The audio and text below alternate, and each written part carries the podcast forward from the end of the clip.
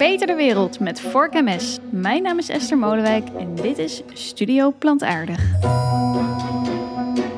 Eten en gegeten worden, dat is de natuurlijke kringloop van het leven. De meeste dieren eten andere dieren en mensen zijn ook dieren, dus nou ja, wij doen dat ook. Dat hebben we ook altijd al zo gedaan.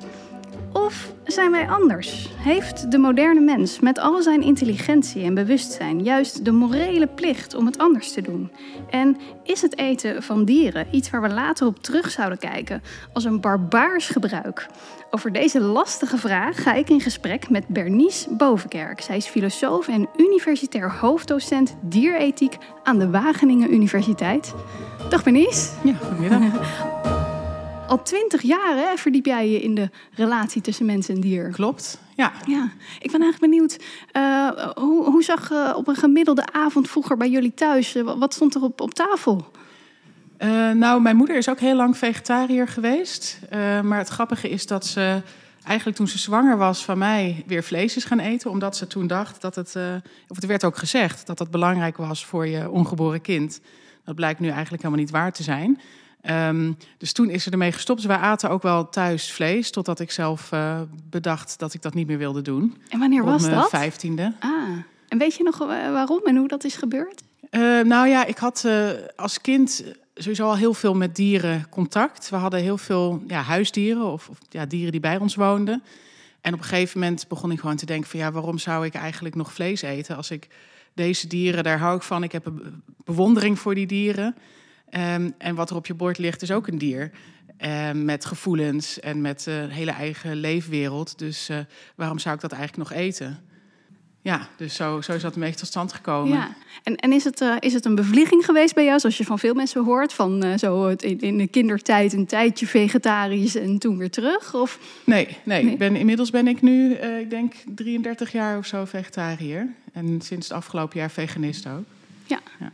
En dus dierethicus uh, ja. geworden. Ja, wat doe jij zo als dierethicus? Uh, ja, ik doe eigenlijk onderzoek naar de vraag van wat is nou een goede mens-dierrelatie. Um, en dan gaat het over, hebben wij uh, plichten jegens dieren? Hebben dieren rechten? En zo ja, wat voor rechten zouden ze dan hebben? wat voor handelingen mogen we wel en niet met ze, bij ze uitvoeren? Dus bijvoorbeeld, mogen we ze genetisch modificeren of niet?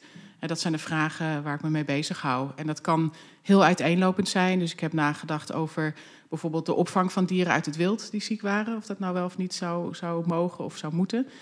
Um, ik heb me bezig gehouden met biotechnologie bij dieren, met uh, welzijn van vissen. Op het moment ook met uh, insectenwelzijn. Uh, nou ja, al, allerlei Aha. dat soort onderwerpen. Ja. Ja, ja, waar ik natuurlijk heel benieuwd naar ben, uh, is, is wat nou eigenlijk het verschil is uh, tussen mensen en dieren. Maar voordat ik dat aan jou ga vragen, uh, laat ik je eerst even horen. We hebben dat ook aan de mensen op straat gevraagd. dus gaan we eerst eens even luisteren wat die daarover vinden. De Vegan Voxpop. Wat is het verschil tussen mensen en dieren? Goeie vraag. Ja, ik vind dat we allebei dieren zijn. Mensen zijn ook dieren, maar dan even wat intelligenter. Beter ontwikkeld. Met beter voor elkaar op de wereld. Sta staan we daarmee wel boven dieren? Mm, ik denk in principe niet. Maar ik denk dat de mens dat wel zo denkt. Wat is het verschil tussen mensen en dieren? Ja, technisch gesproken niet natuurlijk. Er is geen verschil. Dus je vindt niet dat een mens boven een dier staat? Nee, absoluut niet. Nee, nee. absoluut niet. Nee.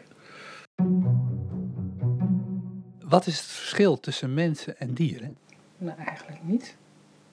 Nee, het zijn, het zijn alle twee levende wezens. En wij hebben ons dan ontwikkeld tot uh, iets wat iets kan doen. En een dier is eigenlijk afhankelijk in deze wereld van ons om te kunnen voortleven. Staat een mens boven de dieren? Nee. Nee. Maar we gaan er af en toe wel zo mee om. Ja, omdat wij. Uh, tenminste, dat heb ik. Ik heb een kat en dat beest moet eten. Nou, die kan het niet meer zelf verzorgen, dus ik moet, ik moet hem verzorgen. Maar ik vind niet dat ik boven een, een dier of een beest sta, nee. Maar we mogen ze wel opeten. Nou ja, daar krijg ik steeds meer mijn bedenkingen bij.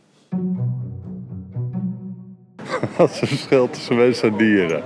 Mensen kunnen praten. Ik denk dat dat het grootste verschil is. Daardoor eh, kunnen we ons beter laten horen en laten gelden. En, eh, en duimen, die zijn heel, heel handig. Eh, De duim, die, daar ben ik nieuwsgierig naar. Wat bedoel je daarmee? Nou ja, de, de manier waarop we gereedschappen kunnen gebruiken met onze handen. Hè, dolfijnen zijn misschien veel intelligenter dan ons, maar wat gaan die doen met hun vinnetjes? Weet je, dat, die gaan nooit, nooit huizen bouwen of dat soort dingen. Staan mensen boven dieren? Ja, nee. Eigenlijk zijn we één, één deel van de aarde. Maar wij vinden onszelf meer dan dieren zelf. Is er verschil tussen mensen en dieren? Eh, zeker. Wat is het verschil? Eh, volgens mij eh, is een mens iets anders in de rangorde dan een dier. Eh, en zijn de dieren op aarde om gegeten te worden? Dus een mens staat boven een dier. Ja.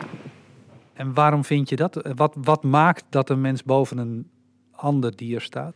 Eh, volgens mij heeft het iets met intelligentie te maken en bewustzijn. Ehm dus vandaar dat ik denk dat dat anders is. Het is ook iets wat je natuurlijk vanuit je verleden zo geleerd is, hè, omdat het zo is. Dus dan is dat in mijn idee dan ook zo. Ehm, dus ja, zo. En staat een mens boven een dier? Ja. In welk opzicht? Nou ja, op het moment dat ik eh, een, een vrouw heb, of een, ja, ik heb geen kinderen, dus als ik een vrouw heb en een hond, en ik zou er eentje af moeten schieten, gaat die hond eraan. Nou, dat was even schrikken die laatste, of? Nou, niet echt. Ik eh, heb alles al wel eens gehoord Ja. natuurlijk. Maar ik vind het interessant ook om die eerste paar te horen eigenlijk. Die zeggen van nee, wij zijn ook dieren.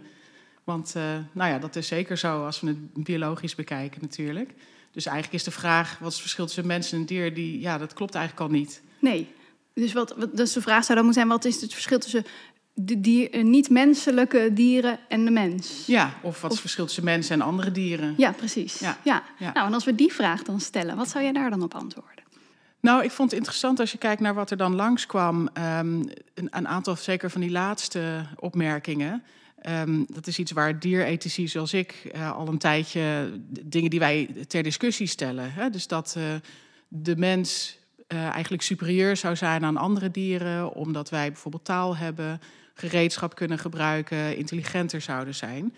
En dat is gewoon lastig eigenlijk om twee redenen. Ten eerste zijn er ook allerlei voorbeelden in het dierenrijk van dieren die ehm, intelligent zijn, eh, creatief zijn, ehm, die eh, gereedschap eh, gebruiken bijvoorbeeld. Maar er zijn ook allerlei mensen die die dingen niet kunnen. Dus denk aan baby's of aan ehm, eh, coma-patiënten of Ja, ja. eh, zwaar geestelijk gehandicapte patiënten. Die hebben wellicht ook geen taal. ehm, maar die, die tellen we wel tot de, ge- de morele gemeenschap. Dus er zijn eigenlijk twee redenen waarom, je, ja, waarom dat geen goed argument is. Waarom dat geen maatstaven Ja, zijn? ja. Nee. Dus, En bovendien kun je je afvragen waarom eigenlijk intelligentie of taal ons eh, meer moreel meer waard zou ma- zouden maken. Wat maakt dat uit? Je zou kunnen zeggen, wat wij delen met elkaar is dat we allemaal ehm, eh, ja, gevoel hebben, eh, dat we eh, doelen hebben in ons leven bijvoorbeeld. Veel dieren hebben ook sociale contacten, sociale behoeften. Misschien is dat veel belangrijker voor moreel waardevol zijn dan zoiets als intelligentie of taal. dus daarmee zeg je eigenlijk, eigenlijk zeg je er is geen verschil. Nou ja, het is natuurlijk een verschil of je gewoon zegt: is er een verschil tussen mensen en andere dieren? Of dat je zegt: is er een moreel verschil? Aha. Ehm, natuurlijk is er verschil tussen alle diersoorten. Hè, maar er is ook een verschil tussen een poes of een, eh, of een dolfijn. Ja. Net zoals een verschil tussen een mens en een dolfijn. Maar of die verschillen ook eh, moreel relevant zijn, dat is een tweede vraag. Ja. En ik denk dat die niet moreel relevant zijn over het algemeen. En wat, wat zou dat inhouden? Moreel relevant zijn of niet moreel relevant zijn? Ja, dus de vraag eigenlijk naar morele status van dieren, dat is een van de kernvragen van de dierethiek. Ehm wil eigenlijk zoveel zeggen als van eh, hebben dieren ook belangen die meegewogen moeten worden op het moment dat wij een afweging maken. Ehm, en ik denk dat dat bij veel dieren zo is. Dus dat wij ook die belangen van dieren mee moeten nemen in Mhm. onze morele eh, overwegingen. Kun je eens een voorbeeld noemen van, zo, van de belangen van dieren? Nou, een dier heeft uh, in de dierhouderij bijvoorbeeld belang dat zijn of haar welzijn niet geschaad wordt. Net zoals wij dat belang hebben. En je zou dus kunnen zeggen, met sommige dierethici beargumenteren dat je een onderscheid kan maken tussen uh, basale belangen en uh, serieuze belangen en triviale belangen. Dus een basaal belang is bijvoorbeeld het belang om te blijven leven. Een serieus belang is een belang om je voor te kunnen planten. En een triviaal belang is gewoon belang om bepaald iets, iets van genot mee te maken. Um, en wat zij dan beargumenteren is dat eigenlijk um, voor dieren in de houderij is het een basaal belang om te kunnen blijven leven en een serieus belang om goed welzijn te hebben. Um, voor mensen is het eigenlijk een triviaal belang om vlees te kunnen eten. Aha. En dus als je die tegen elkaar afweegt, kan je niet zeggen dat een uh, triviaal belang van de mens een basaal of serieus belang van een dier mag uh, ja, overheersen. Dus daarmee geef je eigenlijk de mensen en de dieren aan zich evenveel belang of status. En dan gaat het over de... De, uh, de inhoud van de belangen. Ja, precies. Ja. Hoe belangrijk die voor ze zijn ja. eigenlijk. En je hoeft ze eigenlijk in, in deze nog niet per se evenveel status te geven. Hè? Dus je zou ook kunnen zeggen... op het moment dat de basale belangen van mensen... Um, uh, in conflict komen met de basale belangen van dieren... zou je misschien wel voor de basale belangen van mensen mogen kiezen. Dus bijvoorbeeld, ja, dat, dat is die meneer, die, meneer, die dat zei: ja. van als ik er één dood moet schieten, dan gaat mijn hond eraan. Precies. En ik denk dat ik dat ook zou zeggen. Uh, zeker. Als, als, mijn, als ik moet kiezen tussen mijn kind en mijn kat, dus zo'n keuze maar hoef je gelukkig uh, vaak niet te maken. En maar echt in een noodsituatie denk ik dat het wel uh, ja, te begrijpen is als je voor je eigen soort kiest. Het wil niet zeggen dat het ook moreel te rechtvaardigen is, maar het is zeker begrijpelijk. Ja, dus als je de keuze of je vlees eet of niet, dat gaat dan niet over het belang van de mens versus de dier, maar dat gaat over een triviaal belang voor de mens versus ja. een, wat zei nou, een bazaal, een bazaal belang, belang ja. voor het dier. Ja. En op die manier zouden we volgens de dierethiek, volgens jullie de, de afweging. Ja, en er maken. is dus geen sprake van een noodsituatie hè, hierbij. Dus uh, sommige dierethici zeggen, stel dat je in een reddingsboot zit met vier mensen en een hond. Ja. En uh, je bent met z'n allen te zwaar, je moet er één overboord gooien. Dan is het goed om die hond overboord te gooien, omdat hij misschien minder nog te verwachten heeft van het leven. Mhm. Minder goede dingen mm -hmm. en, en, en zo. Um, maar dat is alleen in een geval van nood. En het is, als we het hebben over vlees eten, is er helemaal niet sprake van een geval van nood. Dat is Ja. misschien wel zo bij mensen die in um, ja, minder ontwikkelde gebieden in de wereld leven, maar armere mensen die echt afhankelijk zijn voor het overleven van vissen bijvoorbeeld. Ja. Daar ga ik niet tegen zeggen, dat mag je niet doen. Nee, dus we moeten echt de zwaarte van het belang afwegen. Ja, zeker. jou. Ja. Ja. Ehm, ja, dus dan, dan is eigenlijk de vervolgvraag, om het nog concreter te maken... is het dan moreel te verantwoorden om dieren voor productiedoeleinden te houden... zoals we dat nu doen in de, in de veehouderij? Uh, ik zelf ben tot de conclusie gekomen dat dat niet zo is. En dat kan je eigenlijk vanuit verschillende ethische theorieën uh, benaderen.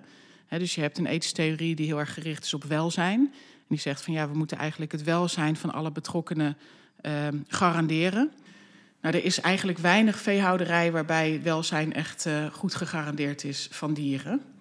Um, maar stel nou dat je dat wel zou doen, dus dat je een soort van paradijselijke situatie zou maken voor Ja. bijvoorbeeld varkens, dan is het nog steeds het geval dat die dieren voortijdig worden gedood.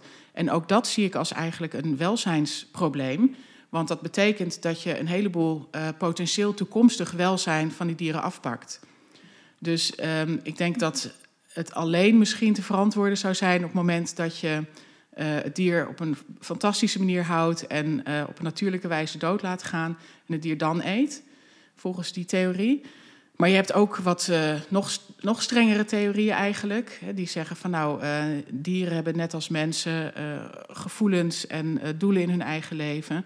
En um, volgens de ethiek mag je niet een ander individu alleen maar gebruiken als, als doel, als instrument voor jouw doeleinden. Maar moet je ook altijd rekening houden met die doelen van die dieren zelf of van die wezens zelf. En zij zeggen daarom van je mag dieren eigenlijk überhaupt gewoon in principe niet exploiteren of, of gebruiken. Uh, want je moet er altijd van uitgaan dat die dieren zelf een leven hebben um, en ideeën hebben over ja, hoe ze hun leven willen leiden. En dat Ja. kunnen wij niet voor hen bepalen. Ja, en je, je moet ervan uitgaan, maar is daar ook bewijs voor? Kunnen we dat aantonen? Uh, nou, we kunnen wel. Uh, er is eigenlijk wel redelijk sluitend bewijs dat veel dieren, in ieder geval zoogdieren en vissen, uh, pijn kunnen ervaren en plezier kunnen ervaren. Ehm, ja, dat is wel vrij duidelijk. Ook vissen, ja? Ook vissen, Ja? ja. ja. ik heb dus in het verleden ook onderzoek gedaan naar vissen. En ik kan bijvoorbeeld een, een interessant experiment eh, even aanhalen. Eh, er was een eh, bekende vis, visbioloog, Victoria Braithwaite... en die ehm, heeft onderzoek gedaan naar regenboogforellen.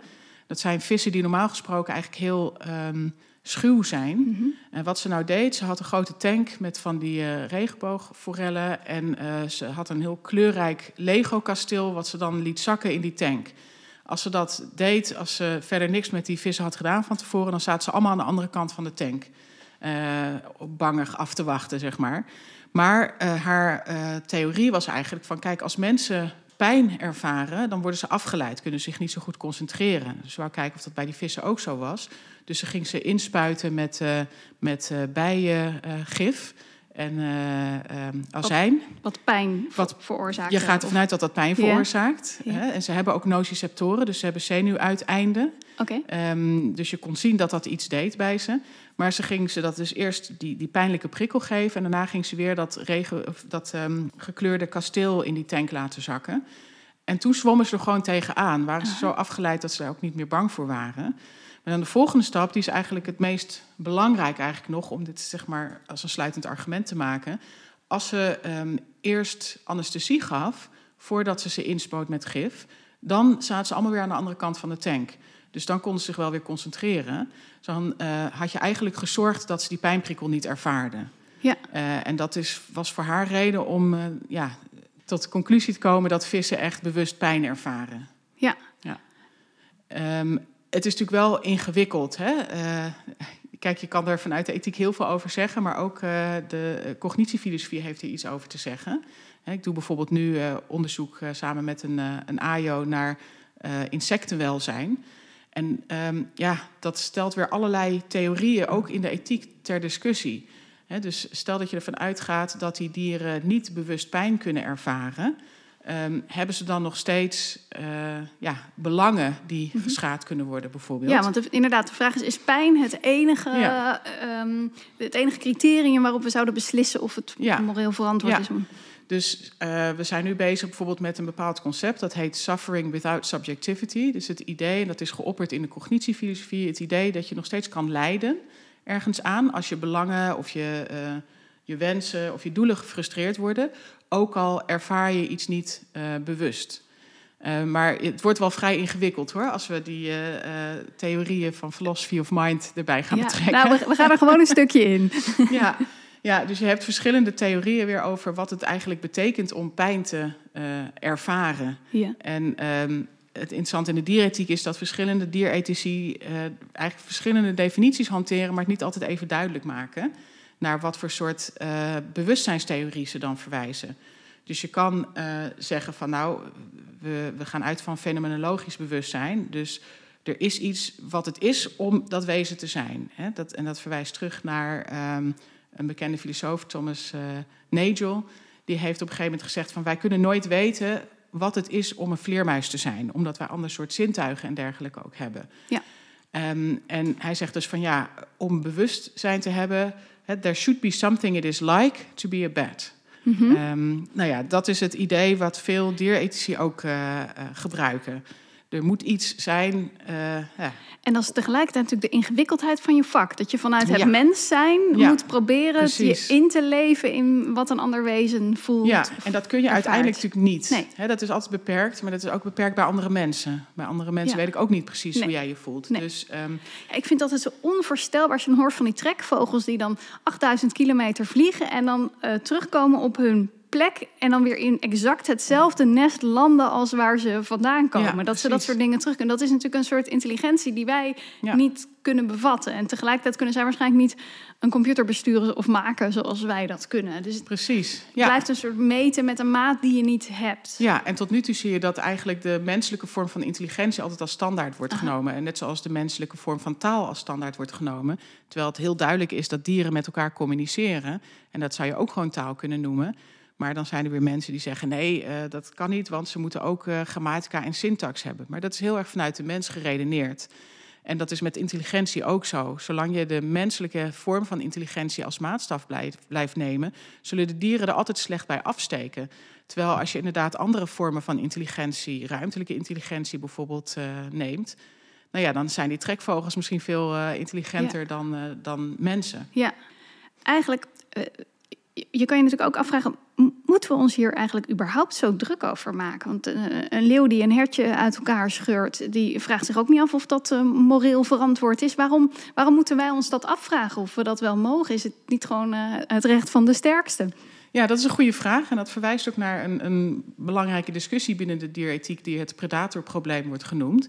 Dus als je ervan uitgaat dat dieren kunnen lijden en dat we dieren niet mogen laten lijden, moet je dan ook niet zeggen dat andere dieren elkaar niet uh, mogen laten lijden. Um, ja, er zijn verschillende antwoorden op mogelijk.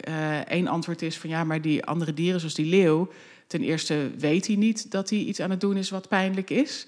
Um, en ten tweede heeft hij dat vlees nodig. Dus als je zou willen ingrijpen, dan zou je eigenlijk een soort dierentuin moeten maken van, uh, van de hele natuur. En uh, ja, dat maakt het weer heel erg lastig. Ja. Dan heb je eigenlijk geen wilde dieren meer. Of je zou moeten zorgen dat er helemaal geen uh, roofdieren meer zouden zijn. Uh, dus dat lijkt me ook problematisch. Maar ik denk uh, dat in die zin is dat ook de tragiek van de mens. Hè? Dat wij weten wat de consequenties van ons handelen zijn. En dat we daar dus over moeten reflecteren.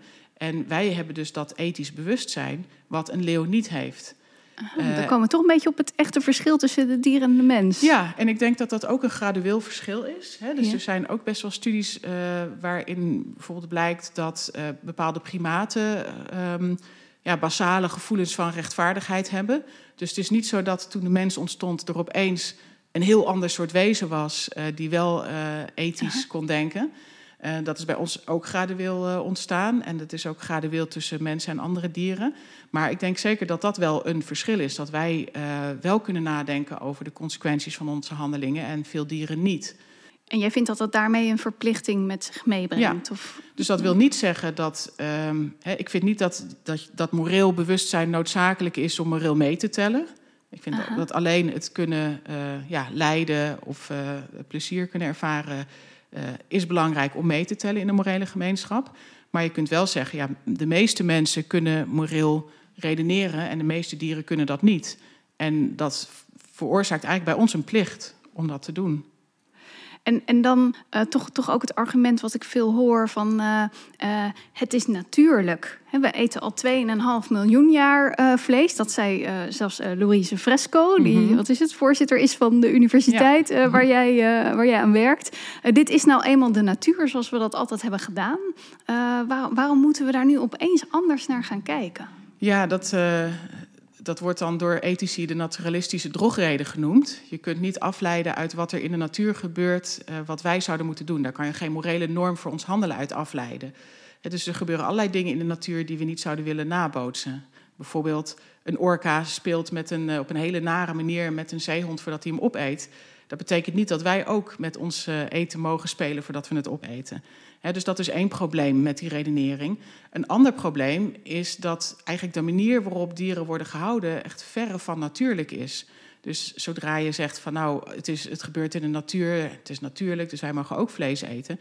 Dan zou je ook eigenlijk dat uh, die dieren zelf moeten gaan bejagen en uh, zelf moeten ja, slachten dan, en dan dergelijke. Moet, dan moeten we ook consequent zijn en helemaal Precies. terug naar de oertijd. Precies, ja. dus, dus ja, er valt zeker wel wat, uh, wat af te dingen op die, uh, op die redenering. Ja. ja, kun je daar ook iets, kun, je, kun je het ook begrijpen dat mensen ehm, ja, toch moeite hebben dat er, dat er nu weer iets af, afgepakt wordt of dat er nu um, iets waarvan ze denken, ja, dit is, toch, dit is toch menselijk, dit doen we altijd al zo. Dat, dat ze denken, moeten we hier nou ook nog ja. een discussie over maken? Nou ja, het is natuurlijk niet zo dat we altijd al zoveel vlees eten als we nu eten. Het is eigenlijk pas sinds de jaren 50 dat mensen opeens vinden dat ze een recht hebben om vlees te eten. Dus het is echt uh, na de oorlog zijn er zelfs demonstraties geweest van huisvrouwen die hebben beargumenteerd dat ze recht hadden om vlees te eten. En toen is er zo'n intensieve veehouderij uh, op gang gekomen. Uh-huh. Maar daarvoor werd er heel, heel, weinig vlees gegeten eigenlijk.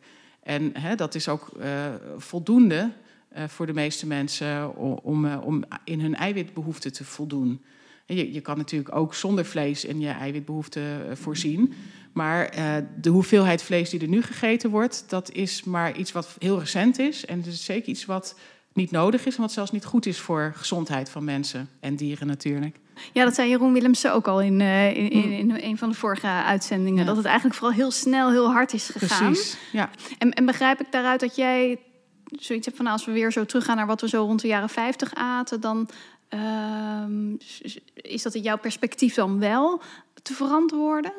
Uh, nee, eigenlijk ook niet. Nee? Nee, nee dit, bedoel, dit ging puur als antwoord ja. op jouw uh, vraag. Nee, ik denk dat we ook sinds de jaren 50 een stuk verder zijn gekomen met nadenken over dierethiek.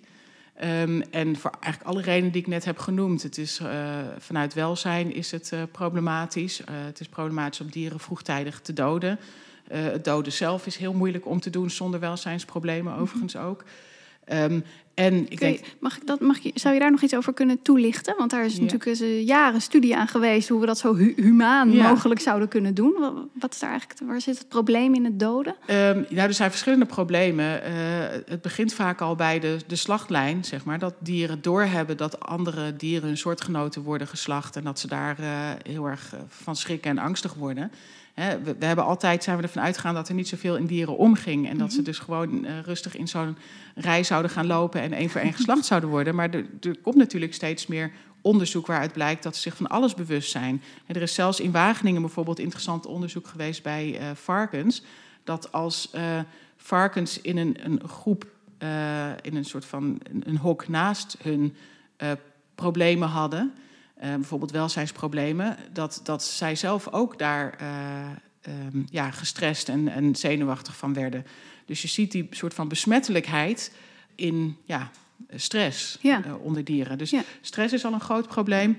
En ik denk ook, de, in principe zou je een dier natuurlijk kunnen bewusteloos maken voordat je het dier doodt. En dat, dat gebeurt ook vaak. Maar dat bewusteloos maken is vaak al, lukt niet altijd even goed is al stressvol. En um, ja, bijvoorbeeld bij kippen zie je dat ze uh, op de kop aan hun uh, poten aan een soort lopende band worden gehangen. En dan worden ze, uh, wordt hun, hun, hun, kop wordt gedipt in een, in een soort spul waar ze dan uh, hoe noem je het, waar ze, waar ze bewusteloos van zouden moeten worden. Maar heel vaak zijn ze heel erg aan het bewegen en komt hun kop dus niet in dat spul. Houden ze hun kop boven dat, uh, boven dat goedje Aha. en worden ze dus gewoon uh, bij volledig bewustzijn worden ze geslacht. Want daarna komt, de, komt de, het mes? Daarna komt het mes, oh ja. ja. ja. Dus dat Oei, gaat zeker ja. niet altijd goed. Mm -hmm. Hè? En, en ja, ook bij koeien gaat het zeker niet altijd goed. Moet het vaak meerdere malen, moeten ze, er gaat zo'n pen zeg maar, door hun hersens...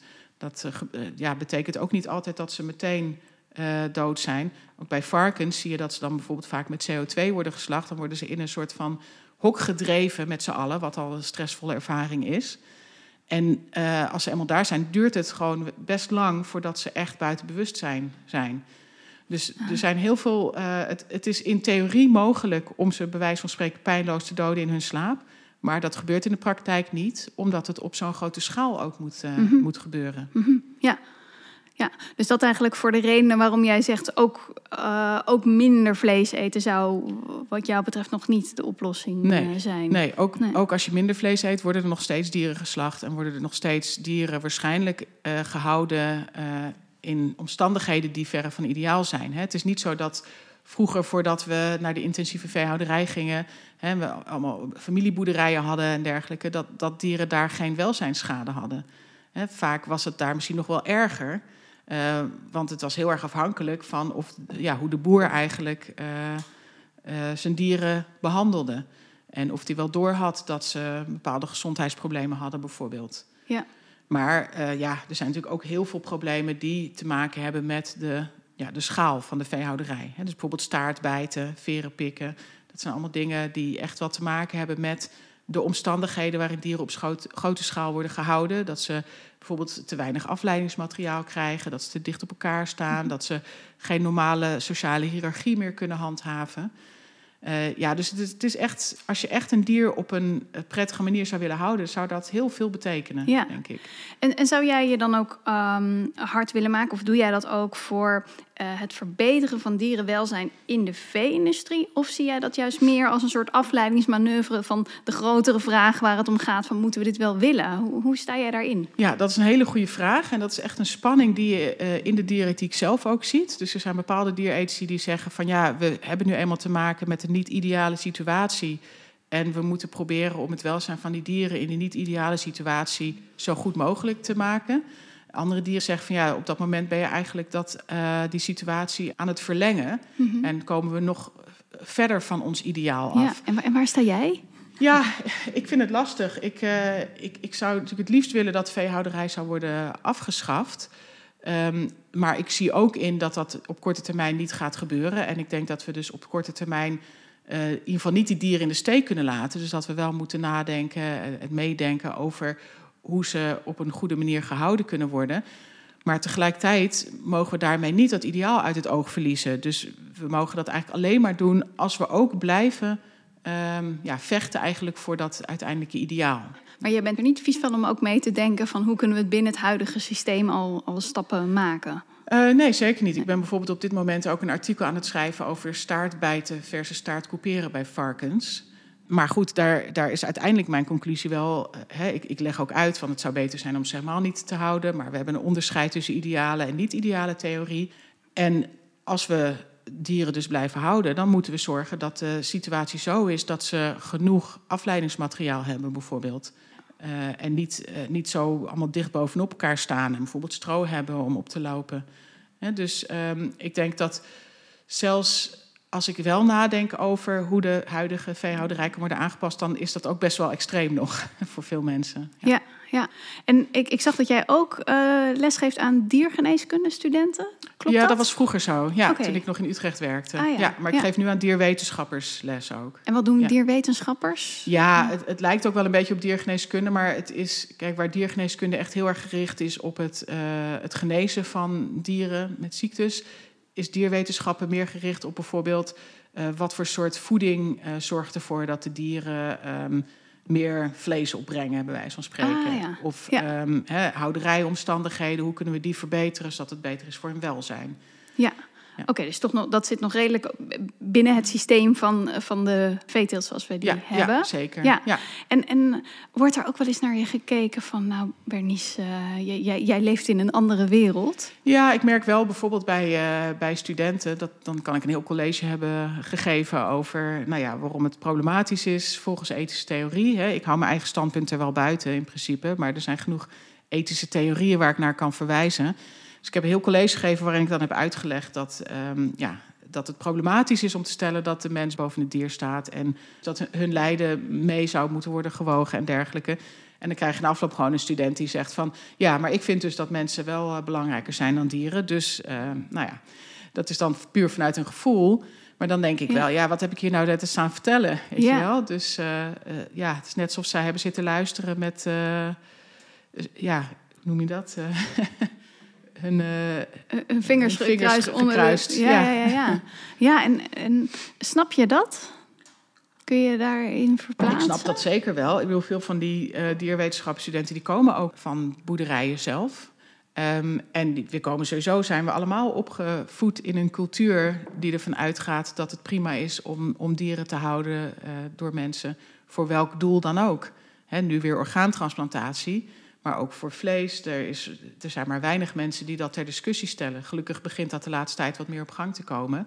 Maar zeker toen ik begon, inderdaad twintig jaar geleden, toen uh, ja, was het eigenlijk nog veel lastiger. Omdat we gewoon in zo'n cultuur zijn, uh, zijn opgegroeid. En wat, denk jij dat er uh, moet gebeuren om dit maatschappelijker, uh, ja, om die dier maatschappelijk een andere status te geven?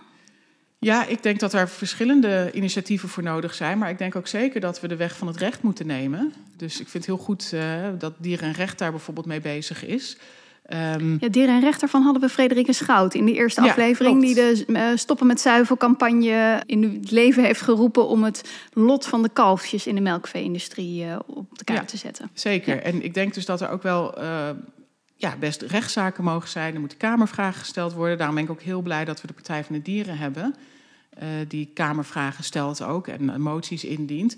Dus ik denk zeker dat we een politieke weg moeten, moeten bewandelen. ehm, waarbij dieren ook echt meer eh, rechten verankerd in, het wet, in de wet zouden moeten Mhm. krijgen. Maar ik denk ook dat ja, gewoon bewustzijnscampagnes nodig zijn. Ehm, en hè, dat is ook een van de redenen waarom ik vaak eh, eh, openbare lezingen geef, bijvoorbeeld. Ehm, maar dat moet ook, wat ik wel belangrijk vind aan dat soort lezingen, is dat het ook tweerichtingsverkeer moet zijn. Dus ik ben ook altijd heel geïnteresseerd in eh, wat mensen in het publiek vinden daarvan. En ik merk daarin zeker wel al een kentering eh, in vergelijking met hoe, ik, hoe het vroeger was. Ja, zeker.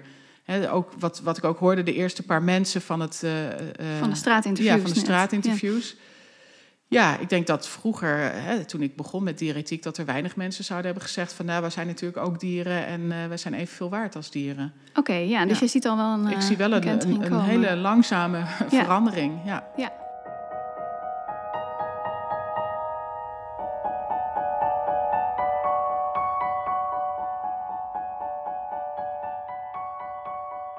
Ja. Wat, wat ik ook nog interessant vind, is eigenlijk die, die glijdende schaal van zeg maar, de koe die we nog in de ogen kunnen kijken, naar de, de vis die al iets verder van ons afstaat, naar de, de insect. En uiteindelijk, want het was wel interessant, wij spraken met, eh, in, in een van de afleveringen met Sander Peltenburg van de Krekerij, die insecten, eh, voedingsmiddelen van insecten maakt. En die zei, ja, maar als je, als je gaat stofzuigen, weet je hoeveel huisstofmijt je dan wel niet ehm, eh, vermoordt. Ja. Ehm, eh, hoe, hoe zie jij die glijdende schaal? En hoe ga je, stof, stofzuig jij wel eens thuis? Nou, een- huisstofmijt is niet hetzelfde als een krekel natuurlijk, hè? of een springkaan. Dus insecten is niet één soort die je allemaal op één hoop kan gooien. Dat, dat is sowieso een ding. Ook wordt heel vaak gezegd alle eh ongewervelde.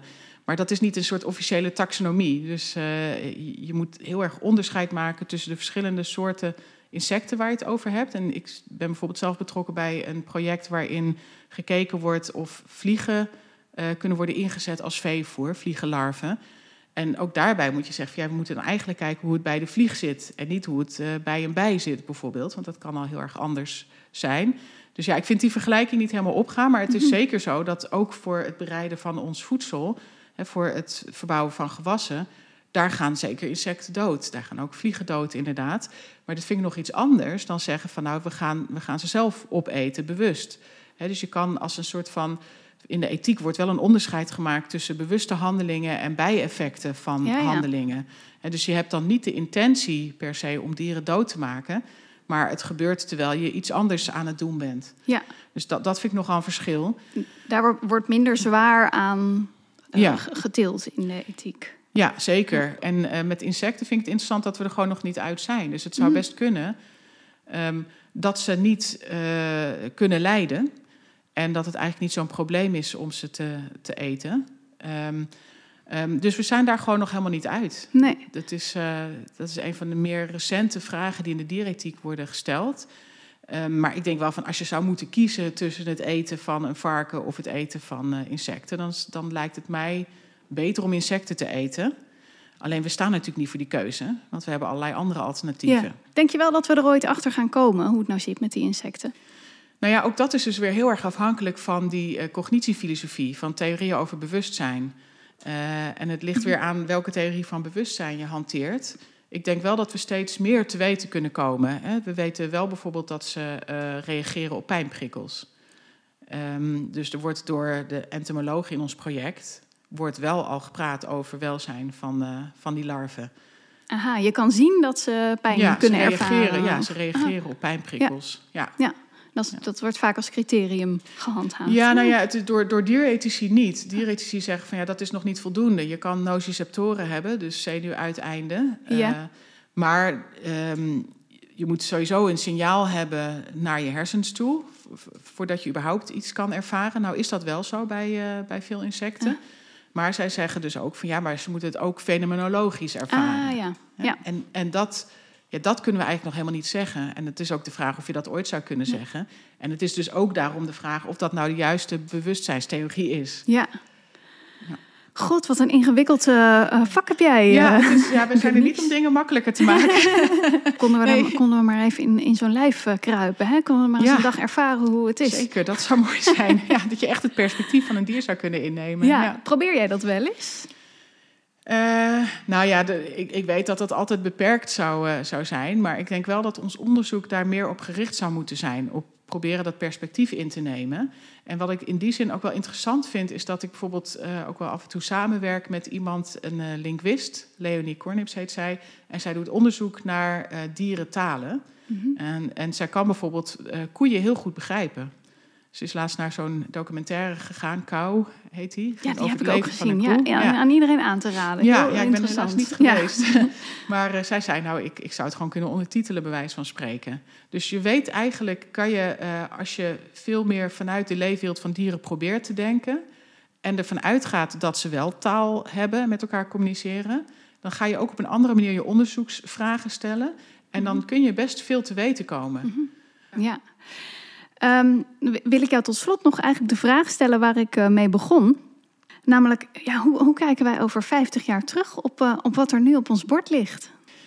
Nou, ik denk zelf dat we over 50 jaar allemaal uh, kweekvlees eten. Ah. Um, dus, en dat we dan inderdaad wel terugkijken op hoe we het nu doen. Van dat is barbaars. Hebben we dat echt gedaan? Dat we dieren hebben gehouden in, in hele kleine hokken.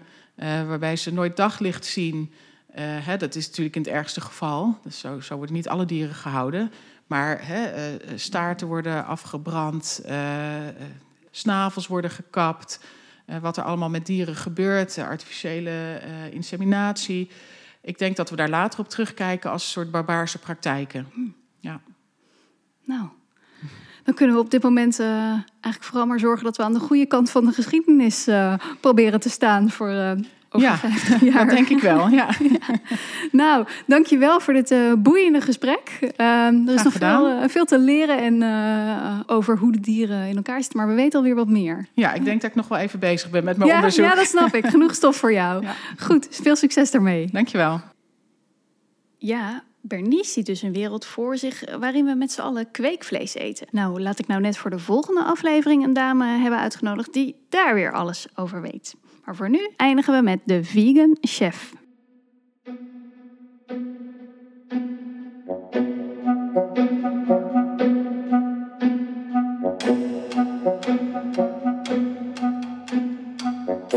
De vegan chef. Jeroen, kaas gaan we het vandaag over hebben. Want dat, kaas, uh, ja. Ik mis hem eigenlijk best wel vaak. En dat hoor ik van heel veel uh, vegan ja. etende mensen. Ja. Uh, wat wat, wat is jouw visie op kaas? Uh, nou, ik, ik, ik vind hem moeilijk te vervangen. Als je, hè, als je nou een, gewoon een pasta gerecht hebt en je verwacht kaas... dan is de smaak die kaas toevoegt aan een gerecht... die vind ik ja, moeilijk te vervangen. wij hebben er wel een paar oplossingen voor... Um, maar verwacht niet een vervanging van kaas. Het is een ander soort smaakmaker in een gerecht, een, echt een toevoeging. Ja, dus je moet niet gaan zitten proeven van smaakt dit nee, precies denken, naar ik, blauwe kaas of naar kaas. parmezaanse kaas. Nee. Maar je moet het aan zich proeven als een mooie toevoeging in een gerecht. Ja, ja. ja. En dan, hè, want uh, nou, we hebben nu uh, een crumble gemaakt, umami ja. crumble. En dat is dan inderdaad uh, zeg maar de strooikaas, de parmezaanse kaas... die je gewoon over een gerecht gooit. Ik ben benieuwd, dus... want jij maakt hem heel anders dan wat ik tot nu toe hoor bij, bij uh, kaas. Er gaat eigenlijk altijd cashewnoot, hoor ik het meest. Maar ik zie dat jij uh, zonnebloempitten We hebben zonnebloempitten. Uh, zijn lekker, gaat goed. En zijn eigenlijk voordeliger dan andere noten. Verder doen we wat piekennoten erbij. En waarom piekennoten? Qua smaak. Het is vaak of walnoot of piekennoot. Ja. Nou, hier is de piekennoot wat duurder dan walnoot. Ja, dus dat heft de zonnebloem weer op. maar dat is wel echt een reden dat hij uh, qua smaak wat lekkerder is. Hij is wat zachter. En uh, walnoot uh, kan je niet goed roosteren eigenlijk. Dat wordt heel snel heel bitter. Ah, en dat heeft die piekennoot niet. Oké, okay, dus je roostert ze even van je, moet, je kan ze heel kort roosteren. Oh, ja. In, in de oven ook weer. gewoon helemaal droog. Goed, dus zonnebloempitten, piekennoten. Wat hebben we nog meer? Uh, edelgisvlokken zitten erin. Uh, nou, wat knoflook, wat paprikapoeder, uh, gedroogde tomaatjes, edelgisvlokken, mosterd. Klinkt wel heel umami. Ik heb nou inmiddels van je geleerd wat umami is. Ja. Dat klinkt inderdaad ja, heel nou, umami. Dat, dat is hij zeker. dat is hij zeker. Ja. Oké, okay, en, wat, en wat doen we daar dan allemaal mee? Hakken? Ja, dit is eigenlijk alle ingrediënten fijn hakken. Of met een mes of in de keukenmachine. Als je het in de keukenmachine doet, doe het met puls, dus kort. Want als je even niet oplet, dan heb je uh, pindakaas. Ook lekker. Oh, dat klinkt trouwens ook heel lekker. Klinkt ook heel lekker, maar dat strooit moeilijk over de pasta. Ja, oké. Oké, ik snap hem. Op ook. tijd stoppen. Ja, op tijd stoppen. Nou, het is lekker te gebruiken op een pasta gerecht of gewoon op groente. Het is gewoon een lekkere crunch eh, en een goede smaakmaker. Wat je ook kan doen is hem gewoon op, eh, als je bijvoorbeeld aardappelpatjes hebt, zoete aardappels, dat je hem daar gewoon erop duwt voordat ze in de oven gaan. En dan krijg je die aardappels een heerlijk korstje. Nou, dit, dit klinkt ook weer als zoiets wat je gewoon waar je in het weekend een keer de tijd voor moet nemen. En dan maak je een heleboel. Dat eh, kun je Ja. bewaren in de koelkast en door van alles gebruiken Zeker. om je om, om flinke smaak te geven. Ja, smaak en eh, crunch. Dankjewel weer. Oké. Tot de volgende. Dank je.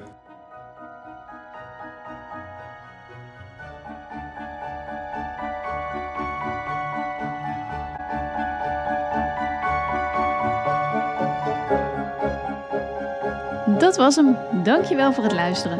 Wil je het volledige recept uit deze podcast nalezen? Kijk dan op onze website www.studioplantaardig.nl. En wil je meer weten over hoe we de stap naar een plantaardige samenleving gaan maken? Volg dan onze podcast. Dank je en tot de volgende.